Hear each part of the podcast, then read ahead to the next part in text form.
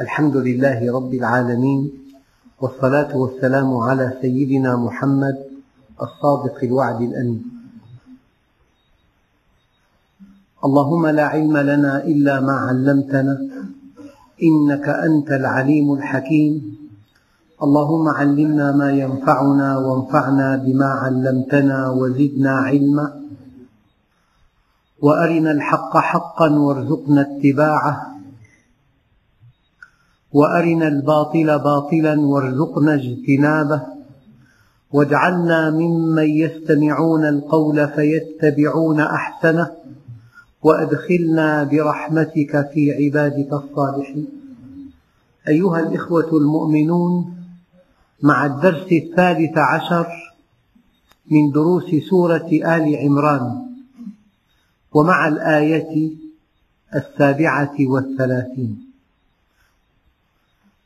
الآية التي قبلها إذ قالت امرأة عمران رب إني نذرت لك ما في بطني محررا فتقبل مني إنك أنت السميع العليم.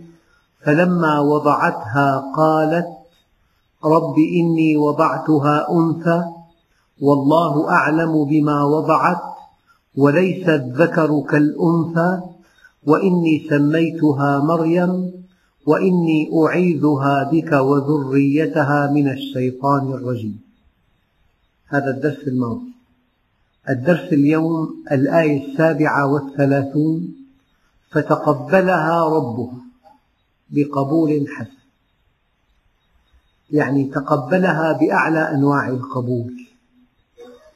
وحينما تكون مخلصا لله عز وجل يتقبل الله عملك وقد تحدثت في الدرس الماضي عن أن كل آية في القرآن الكريم ينبغي أن تسأل نفسك حينما تقرأها ما علاقتي بهذه الآية؟ وما موقفي من هذه الآية؟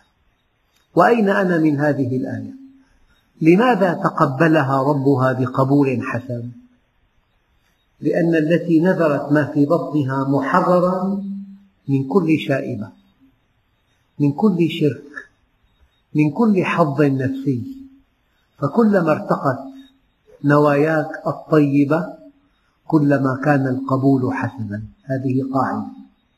وقد ورد عن رسول الله صلى الله عليه وسلم أن الصدقة تقع في يد الله قبل أن تقع في يد الفقير. حينما تنفق نفقة خالصة لله عز وجل وقد لا تعلم شمالك ما أنفقت يمينك ولا تبتغي إلا وجه الله عز وجل يتقبل الله منك هذه الصدقة بقبول حسن. وحينما تصلي الليل لا ترجو سمعة ولا رياء لكنك تريد أن تؤدي واجب العبودية لله عز وجل وأن تناجيه في الليل يتقبل الله منك هذه الصلاة ويلقي في قلبك السكينة والأمن. وتقول صليت صلاة لا أنساها حتى الموت. كلما كان إخلاصك أشد كلما كان القبول حسنا. إني نذرت لك ما في بطني محررا فتقبل مني فتقبلها ربها بقبول حسن. وأضخم شيء تملكه نيتك الطيبة. أعظم رأس مال تملكه نيتك. ولكنك قوي بالله.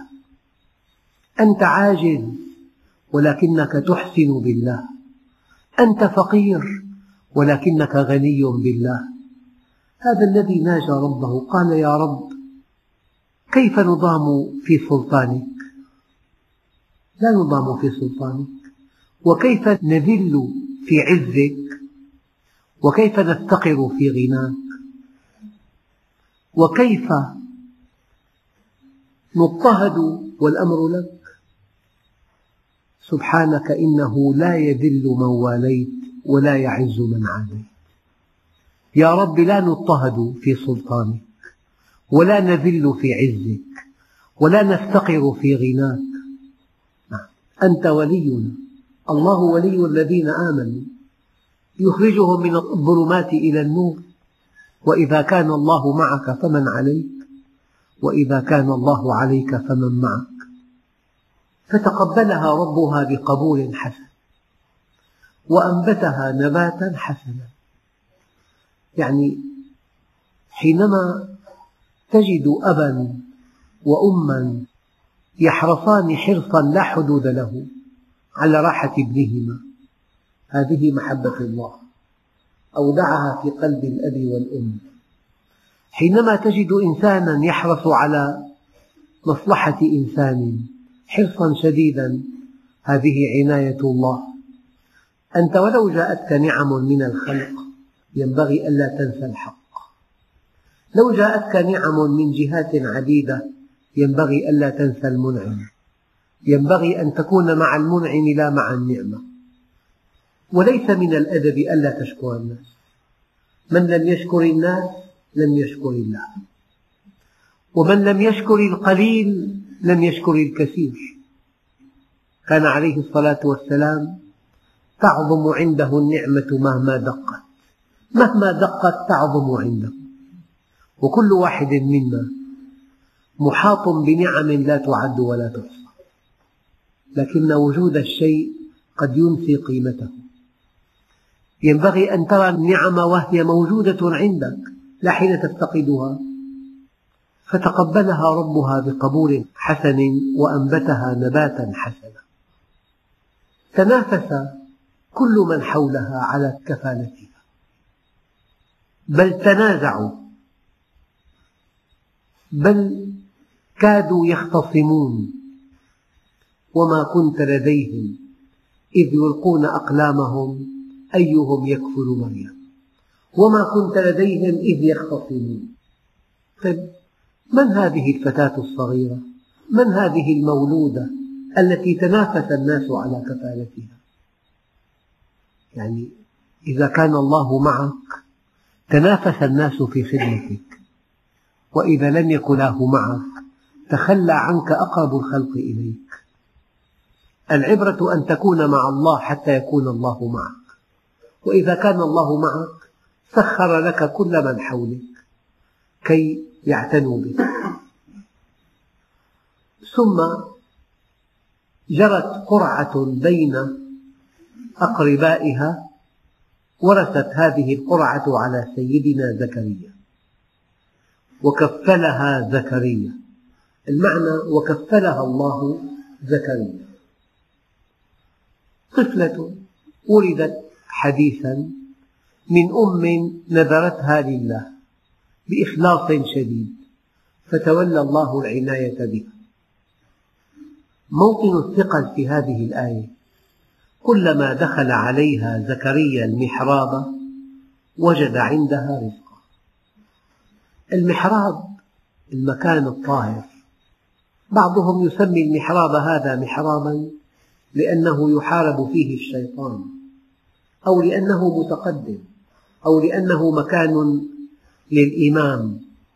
لكن المحراب على إطلاقها تعني البناء الشامخ القصر. فكلما دخل عليها زكريا مكان إقامتها. ويبدو أن المكان جيد. وجد عندها رزقا بصرف النظر عن حقيقة هذا الرزق لكن هذه الآية تنقلنا إلى موضوع الكرامة. ما من مؤمن يخطب ود الله عز وجل بأية طريقة إلا وله عند الله كرامة؟ هذه الكرامة هي خرق للعادات خرق للعادة أو استثناء من بعض القوانين. أو شيء متميز. ليس من الحكمة أن نروي الكرامات ولا من الحكمة أن ننكرها. الكرامة لا تنكر كما أنه ينبغي ألا تروى لأن أصحابها ليسوا أنبياء أصحابها أولياء والولي ليس معصوما. لكن النبي معصوم النبي حينما يخص بمعجزة ينبغي أن يتحدى الناس بها. ينبغي أن يظهرها. ينبغي أن يتحدث عنها لأنه معصوم. لكن الولي إذا خص بكرامة ينبغي ألا يتحدث بها. بل ينبغي ألا يتاجر بها. بل ينبغي أن يبقيها بينه وبين الله. وقد قال بعض علماء القلوب الولي الصادق يستحي بكرامته كما تستحي المرأة بدم حيضها. هي ليست للتحدي ليست للنشر هي بينك وبين الله لكن الله أراد بطريقة أو بأخرى أن يشعرك أنه يحبك. ألم يقل الله عز وجل من تقرب إلي شبرا تقربت إليه ذراعا ومن تقرب إلي ذراعا تقربت إليه باعا ومن أتاني مشيا أتيته هرولة لمجرد أن تعقد الصلح مع الله لمجرد أن تنيب إلى الله أن ترجع إليه أن تتوب من ذنوبك أن تريد رضاء الله عز وجل. تجد الله عز وجل يقربك يوفقك يكرمك يملأ صدرك غنى. يملأ صدرك أمنا يملأ صدرك تفاؤلا. يلهم من حولك يقدم لك كل الخدمات. يرفع شأنك يعلي ذكرك. هذا كله خرق للعادات. يعني لك معاملة خاصة. يعني لك معاملة استثنائية. هذه كرامة من الله لك. ما من مؤمن صادق يخطب ود الله عز وجل. إلا وله كرامة. والكرامة خلق للعادات يعني معاملة خاصة. أمر ميسر زواج ميسر عمل ميسر سمعة طيبة أولاد أبرار زوجة صالحة حكمة. قلب ممتلئ أمنا طمأنينة تفاؤلا رضا. هذه كرامة الله لك. وقد تخلق لك بعض العادات. عليك ألا ترويها لأحد لأنها ليست للتحدي. هذه بينك وبين الله. لكن أعظم كرامة على الإطلاق ولا تحتاج إلى خلق للعادات هي كرامة العلم. وعلمك ما لم تكن تعلم وكان فضل الله عليك عظيما وعلمك ما لم تكن تعلم. وكان فضل الله عليك عظيما. أنت بالعلم ترقى بالعلم تستقيم بالعلم تعمل صالحا بالعلم تتصل بالله بالعلم تقف الموقف الكامل. يعني أعظم كرامة على الإطلاق أن يعلمك ما لم تكن تعلم. وكان فضل الله عليك عظيما. انظر انظر هؤلاء الأقوياء ماذا آتاهم الله؟ آتاهم الله القوة والملك. وهو لا يحبهم أحيانا. بعضهم لا يحبهم الله عز وجل. آتى الملك لفرعون وهو لا يحبه. وآتى سليمان الملك وهو يحبه. وآتى قارون المال وهو لا يحبه. وآتى عثمان بن عفان المال وهو يحبه. ما دام الشيء قد أوتي لمن يحب ولمن لا يحب إذا ليس دليلا على أنه كرامة من الله عز وجل. ولكن ماذا آتى الأنبياء والمرسلين؟ فلما بلغ أشده واستوى آتيناه حكما وعلما. آتيناه حكما وعلما وكذلك نجزي المحسنين.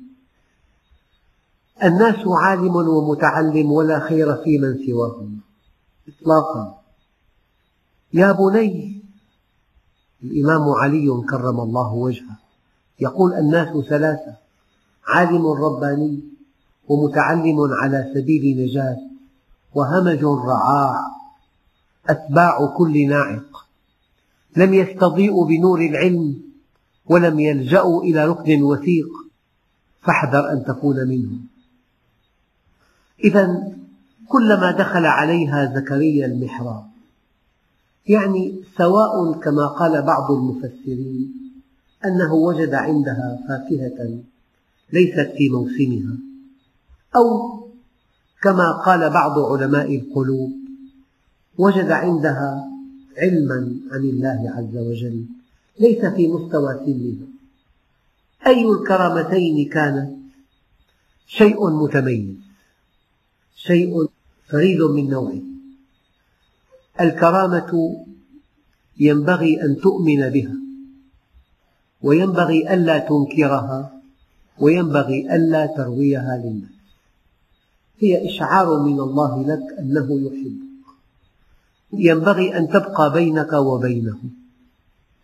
هذا معنى قوله تعالى كلما دخل عليها زكريا المحراب وجد عندها رزقا.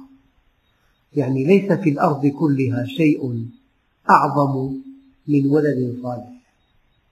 من شاب نشأ في طاعة الله.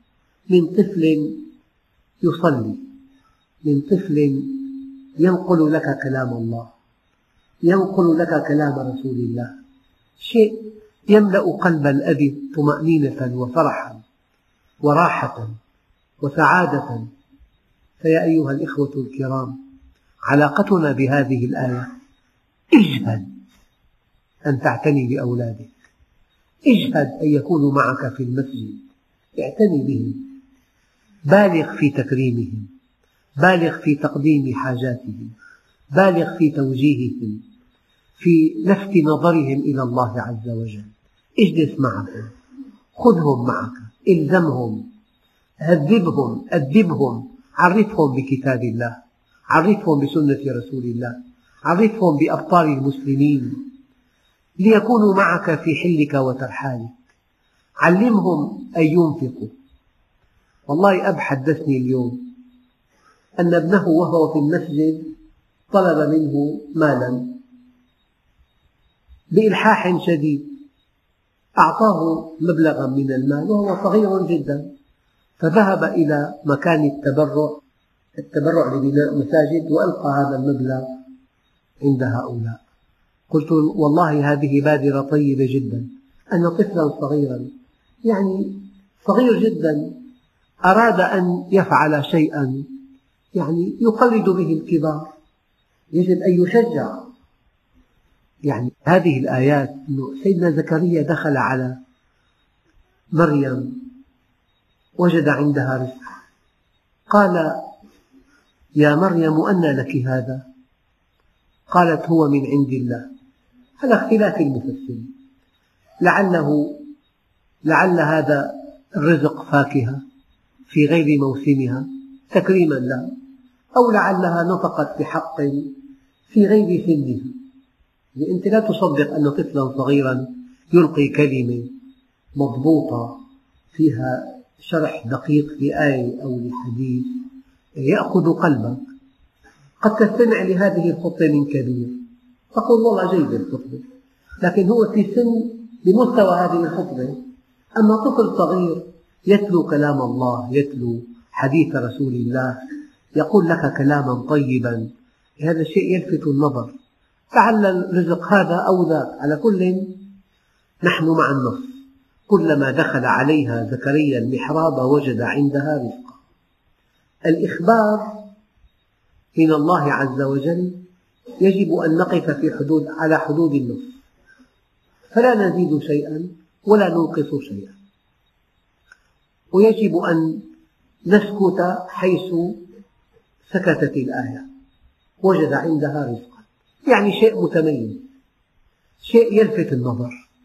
شيء ليس كغيره من الأشياء.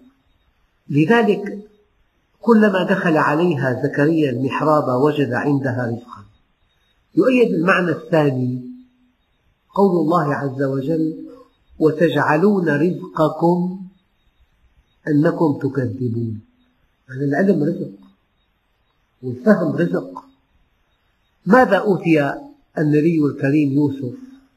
أوتي تأويلا لكتاب الله ويعلمه من تأويل الأحاديث. فالتأويل علم وهو من كرامة الله لهذا النبي الكريم. إذا على اختلاف أقوال المفسرين شيء متميز شيء يلفت النظر شيء ليس في مستوى هذه الطفلة الصغيرة. قالت هو من عند الله إن الله يرزق من يشاء بغير حساب. بغير حساب قال عنها العلماء أنه كثير جدا لا يحصى أو ليس بثمن بغير حساب. الله يهب يهب كل شيء لعبده المؤمن. من دون جهد منه ووهبنا له إسحاق ويعقوب. الإبن هبة يعني تحول نقطة ماء إلى طفل يضحك ويبتسم ويسأل ويجيب. قضية سهلة. تعلم علم اليقين أن أصل هذا الطفل نقطة ماء أودعت في رحم أمه. فكان طفلا إذا دخلت إلى البيت هش لك وبش. وسأل وجلس في حجرك وداعبك. هذا الذي يملأ البيت سرورا. أليس هدية من الله عز وجل؟ المعنى البسيط يعني كل بيت فيه طفل الطفل هدية من الله عز وجل. معنى بغير حساب من دون ثمن يعني. ماذا فعل هذا الزوج حتى استحق هذا الطفل الصغير الجميل؟ تزوج فقط. من خلقه في بطن أمه؟ من أحسن تقويمه من صوره من جعله كائن سليم معافى متوازن يتكلم يمشي يسأل يجيب يحفظ كتاب الله. من؟ إذا إن الله يرزق من يشاء بغير حساب. لها معنيان. الأول بغير حساب أي لا يعد ولا يحصى يعني النعم التي أسبغها الله عليك لا تعد ولا تحصى. يعني كبد أصابه تشمع. العملية بتكلف سمعت من ثمانية إلى عشر ملايين ليرة. ونجاحها 30% زرع كبد بفرنسا إذا عنده كبد سليم معناها عمليا معه عشر ملايين. والكلوة مليونان الآن بتكلف إذا متقنة. يعني تبديل الأسنان بده مليون ليرة زرع. فأنت عندك أجهزة كلها تامة وكاملة ألم نجعل له عينين ولسانا وشفتين وهديناه النجدين. تتحرك تقوم تأكل تشرب. جهاز هضم جهاز دوران جهاز عضب جهاز فرز. عضلات أعصاب دماغ ذاكرة. يعني شيء مشان تقول والله ريحة لطيفة. عشرين مليون نهاية عصبية. كل نهاية تنتهي بسبع أهداب كل هدب مغمس بمادة معينة تتفاعل مع الرائحة ينشأ من تفاعلها شكل هندسي. هذا الشكل ينتقل إلى الدماغ. هو الرائحة. يعرض على ذاكرة شمية فيها عشرة آلاف بند. إلى أن يأتي هذا الشكل مطابقا لهذا البند. تقول هي ياسمين ما شاء الله رائحة طيبة. من أجل أن تتحرك عكس الصوت في جهاز بالدماغ يحسب تفاضل دخول الصوتين إلى الأذنين والتفاضل واحد على 1620 جزء من الثانية. تعرف بهذا الجهاز الدقيق جهة الصوت فإذا سمعت بوق مركبة تتحرك إلى عكس الاتجاه ولولا هذا الجهاز لتحركت إلى أمام المركبة دون أن تشعر. فأنت محاط بنعم لا تعد ولا تحصى. الشبكية فيها عشر طبقات والشبكية فيها 130 مليون عصي ومخروط والعصب البصري فيه 900 ألف عصب. وفي رأسك 300 ألف شعرة لكل شعرة وريد وشريان وعصب وعضلة وغدة دهنية وغدة صبغية هذا خلق الله. عندك ذاكرة تتسع لسبعين مليار صورة. الذي يعيش ستين عام تقريبا. في بذاكرته سبعين مليار صورة. حجمها بحجم حبة العدس في عندك دماغ في 140 مليار خلية. سمراء استنادية لم تعرف وظيفتها بعد. الآن وفي عليها أربعة عشر مليار خلية قشرية. فيها المحاكمة والتذكر والتصور.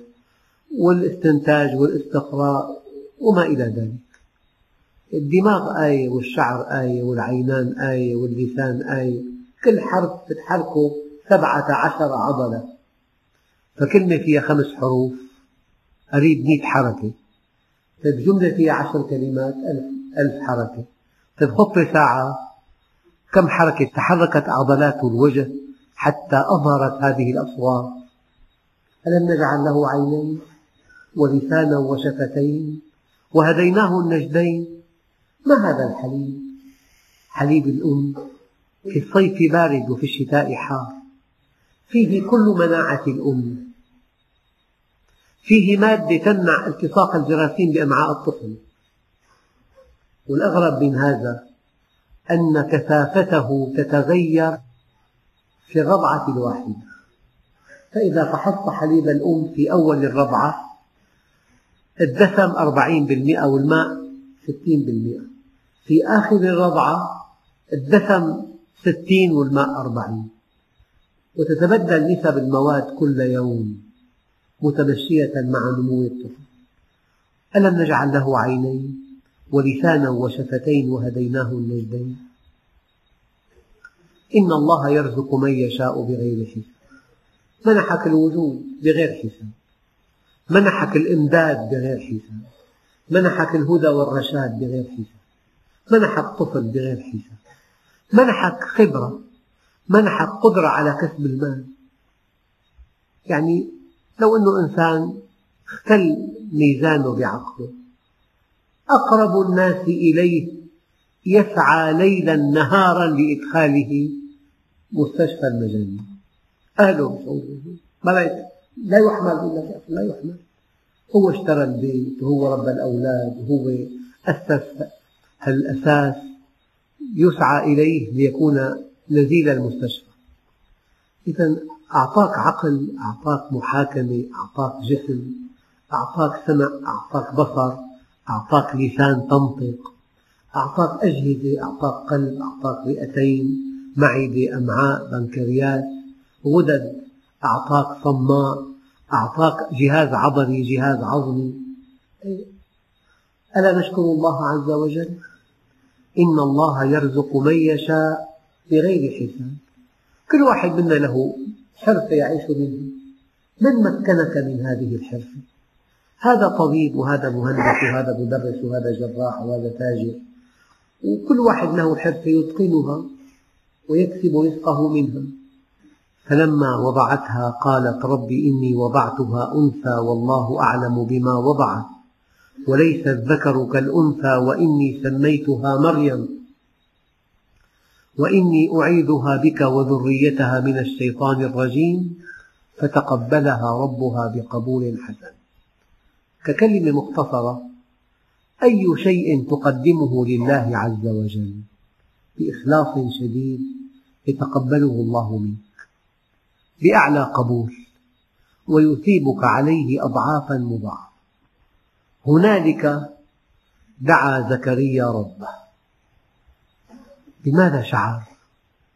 شعر أنه يتمنى مثل هذا الغلام مثل هذه الفتاة. هي الغيرة هي خاصة بالإنسان رائعة جدا. إن استخدمتها لأمر الآخرة ترقى بك إلى أعلى عليين. تكون الغبطة وإن استخدمتها لأمر الدنيا تهوي بها إلى أسفل سافلين. تكون الحسن هي خاصة حيادية. تتمنى ما عند الآخرين. أبدا كل أي إنسان. فت لبيت 400 متر. الله يتم معي والله شيء. الله يبعث لنا هيك بيت مثلا. ركبك واحد مركبته فخمة جدا. والله شيء جميل. غير تبعي أحلى بكثير. إيه الله يتم عليك. أنت دائما تتمنى ما عند الآخرين. فإن كان الذي عندهم من الدنيا فهو الحسد. وإن كان ما عندهم من الآخرة فهو الغبطة لذلك النبي الكريم يعني استخدم كلمة الحسد بمعنى الغبطة قال لا حسد إلا في اثنتين. رجل آتاه الله علما فهو ينفقه آناء الليل وأطراف النهار. ورجل آتاه الله مالا فهو ينفقه آناء الليل وأطراف النهار. هنالك قال بعض العلماء يعني ظرف مكان. في هذا المكان في المحراب لما رأى مريم وهي تنطق بكلام رائع جدا أو رأى عندها فاكهة في غير موسمها تمنى أن يكون له ولد له عند الله هذه المكانة قال له هنالك دعا زكريا في هذا المكان بالذات أو في الوقت الذي سمع من هذه الفتاة كلاما طيبا تمنى أن يكون له غلام في هذا المستوى. فالإنسان ينبغي أن يغار. هنالك دعا زكريا ربه هي خاصة بالإنسان. يعني أنت إذا التقيت بحافظ كتاب الله ألا تتمنى أن تكون مثله؟ تتمنى والله. إذا التقيت بإنسان يفهم كلام الله فهما عميقا. ألا تحب أن تكون مثله؟ إن التقيت بإنسان شجاع أبلى في سبيل الله. كسيدنا خالد ألا تحب أن تكون مثله؟ إذا التقيت بإنسان غني لكنه متواضع وينفق ماله في سبيل الله ويملأ بإنفاقه قلوب الناس فرحا يمسح الدموع عن كل البائسين بماله.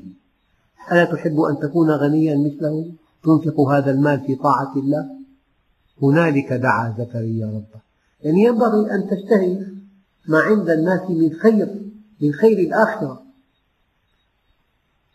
هنالك دعا زكريا ربه قال رب هب لي من لدنك ذرية طيبة. يعني يكاد يكون أعظم عطاء إلهي بعد الإيمان به الذرية الطيبة. هذه تملأ القلب طمأنينة ربنا هب لنا من أزواجنا وذرياتنا قرة أعين.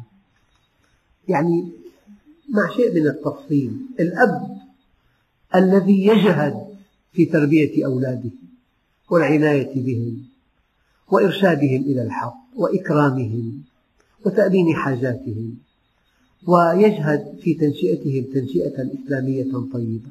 يتعب كثيرا. لكنه بعد أن يبلغوا أشدهم ويرى منهم طيبا وصلاحا وتقوى وطاعة لله والله كلما نظر إليهم يشعر القلب براحة لا توصف هذه قرة العين التي تحدث الله عنها. قال في الدعاء ربنا هب لنا من أزواجنا وذرياتنا قرة أعين. والأب الذي لا يحب أن يوجه أولاده فاضي عنده عمل فأهملهم وتركهم للشارع.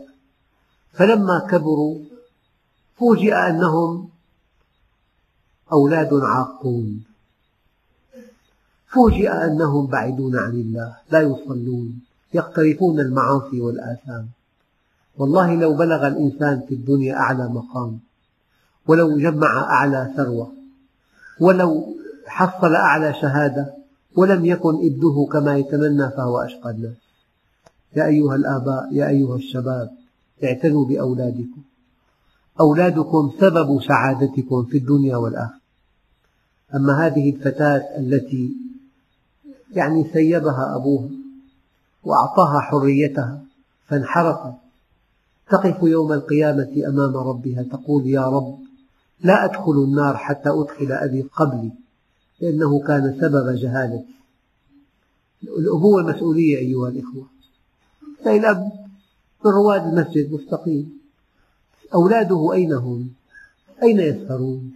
مع من يجلسون؟ من يصاحبون؟ كيف صلاتهم؟ كيف أخلاقهم؟ فلا بد من أن تتمنى وأن تجهد وأن تسعى لتربية أولادك هنالك دعا زكريا ربه يعني تمنى أن يكون له غلام كهذه الفتاة بهذا العلم أو هذه الكرامة. قال رب هب لي من لدنك ذرية طيبة إنك سميع الدعاء. يا أيها الإخوة لما النبي عليه الصلاة والسلام يقول إذا كان ثلث الليل الأخير نزل ربكم إلى السماء الدنيا. الآن دققوا فيقول هلا ربنا عز وجل؟ الإله العظيم يقول هل من سائل فأعطيه؟ هل من تائب فأتوب عليه؟ هل من مستغفر فأغفر له؟ هل من طالب حاجة فأقضيها له؟ تصلي قبل الفجر ركعتين. وفي السجود يا ربي ارزقني ولدا صالحا. ينفع الناس من بعد. يا رب ارزقني زوجة صالحة. يا رب ارزقني رزقا حلالا طيبا. يا رب اهدني إليك. واهد بي يعني في أدعية لطيفة جدا. أنت إذا استيقظت قبل الفجر ودعوت الله بدعاء من خيري الدنيا والآخرة. يعني الله عز وجل ينبغي أن يشعرك أنه يستجيب لك. هكذا. يعني الله يذكر لنا هذه القصص. لماذا؟ كي نقتدي بهؤلاء الأنبياء العظام. هنالك دعا زكريا ربه قال رب هب لي من لدنك ذرية طيبة إنك سميع الدعاء. والله حدثني أب قال لي عندي ابن إذا بيندعس بعمل مولد. أقسم بالله بعمل مولد. عاق شارب خمر زاني شرس مجرم. وفي ابن ملائكة تشتهي الأولاد منه. فرق كبير جدا بين ابن عاق وابن بار. بين ابن مؤمن عنده حياء عنده خجل. بار بوالديه وبين ابن سيء. إذا الأب اعتنى بأولاده. يعني أغلب الظن ويقينا أغلب الظن الله عز وجل يستجيب له. حدثني أخ يخطب في بعض المساجد وضع ابنه بحضانه بمدرسة قال لي مرة استيقظنا متأخرين صنعت أمه له شطيرة وقالت لابنها الصغير في الحضانة كلها في الطريق يا بني وقت ضيق جدا. فوقف هذا الابن وقال يا أمي. خاطب أباه. قال يا أبت. قال عليه الصلاة والسلام الأكل في الطريق دناءة إذا علمت طفل صغير شيء لا يصدق. علمته القرآن علمته السنة علمته الآداب علمته الطاعة لله ورسوله. هذا أكبر أكبر ثروة تملكها على الإطلاق. هذا معنى ذلك أنك لا تموت. ولو مت لا تموت. هذا صدقة جارية ينفع الناس من بعدك. والله مرة حضرت يعني تعزية أحد خطباء دمشق الأعلام وكان صالحا ولا أزكي على الله أحد. كان جريء ومستقيم وصالح.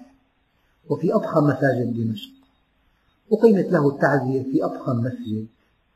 وجاء الناس زرافات ووحدانا ليعزوا أهله. ففي اليوم الثالث ألقيت كلمات كثيرة. وقام ابن هذا الخطيب العالم فألقى خطة لا تقل عن خطة أبيه. وكان بين المعزين وزير الأوقاف فعينه خطيبا في هذا المسجد. مكان أبيه لتوه.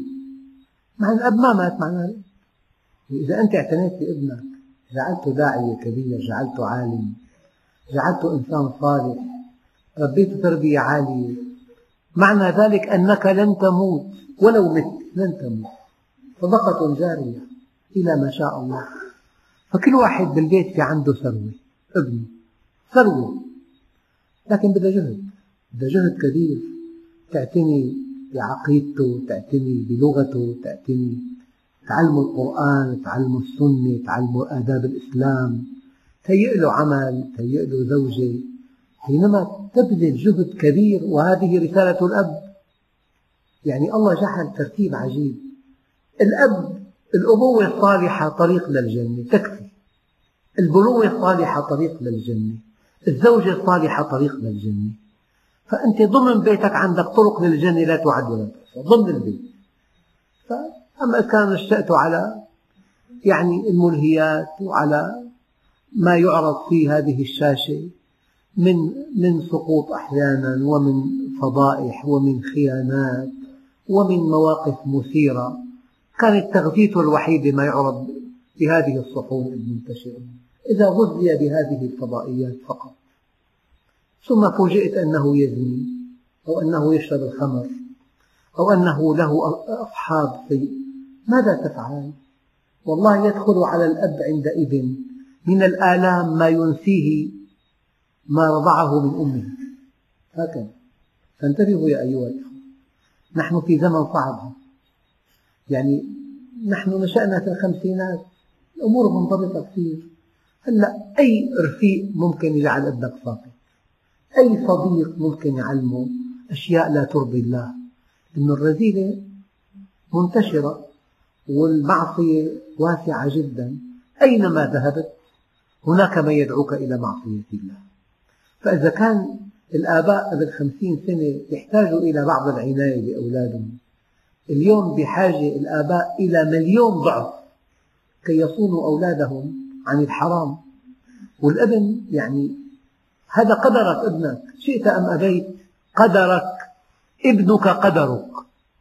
لا بد من أن تعتني به. والآيات واضحة. هنالك دعا زكريا ربه. قال رب هب لي من لدنك ذرية طيبة إنك سميع الدعاء. والحمد لله رب العالمين. أيها الإخوة يعني كتعليق سريع. هذه القصص التي وردت في القرآن الكريم صدقوني ليست العبرة منها أن تستمتع بقصة وقعت في الماضي. لا والله. ما هذا مراد الله عز وجل؟ مراد الله من هذه القصص أن يكون هؤلاء الأنبياء وهم قمم البشرية أن يكونوا قدوة لك. كيف امرأة عمران نذرت ما في بطنها محررة؟ أنت قلدها. قدم شيء لله عز وجل. قدم اختصاصك قدم خبرتك قدم مهنتك قدم مالك قدم علمك لله. لنفع المسلمين. هي وحي كيف تمنى زكريا عليه السلام ابن صالح؟ تمنى والتمني من حقه. كيف دعا الله بإخلاص والدعاء مستجاب؟ طيب أنت أتمنى شيء طيب؟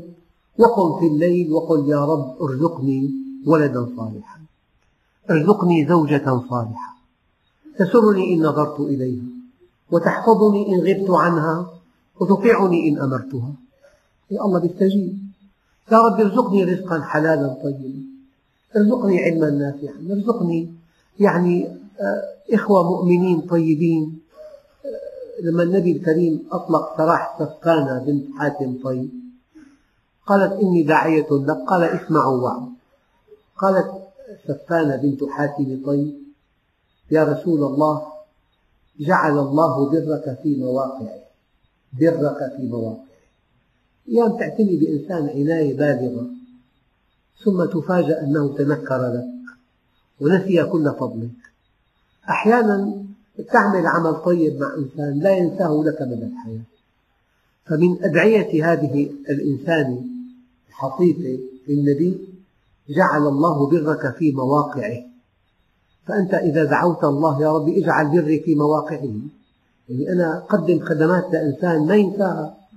يعني أنا أستفيد منه. أستفيد منه في الآخرة يا ربي. أدعوه إلى الله فيلتزم.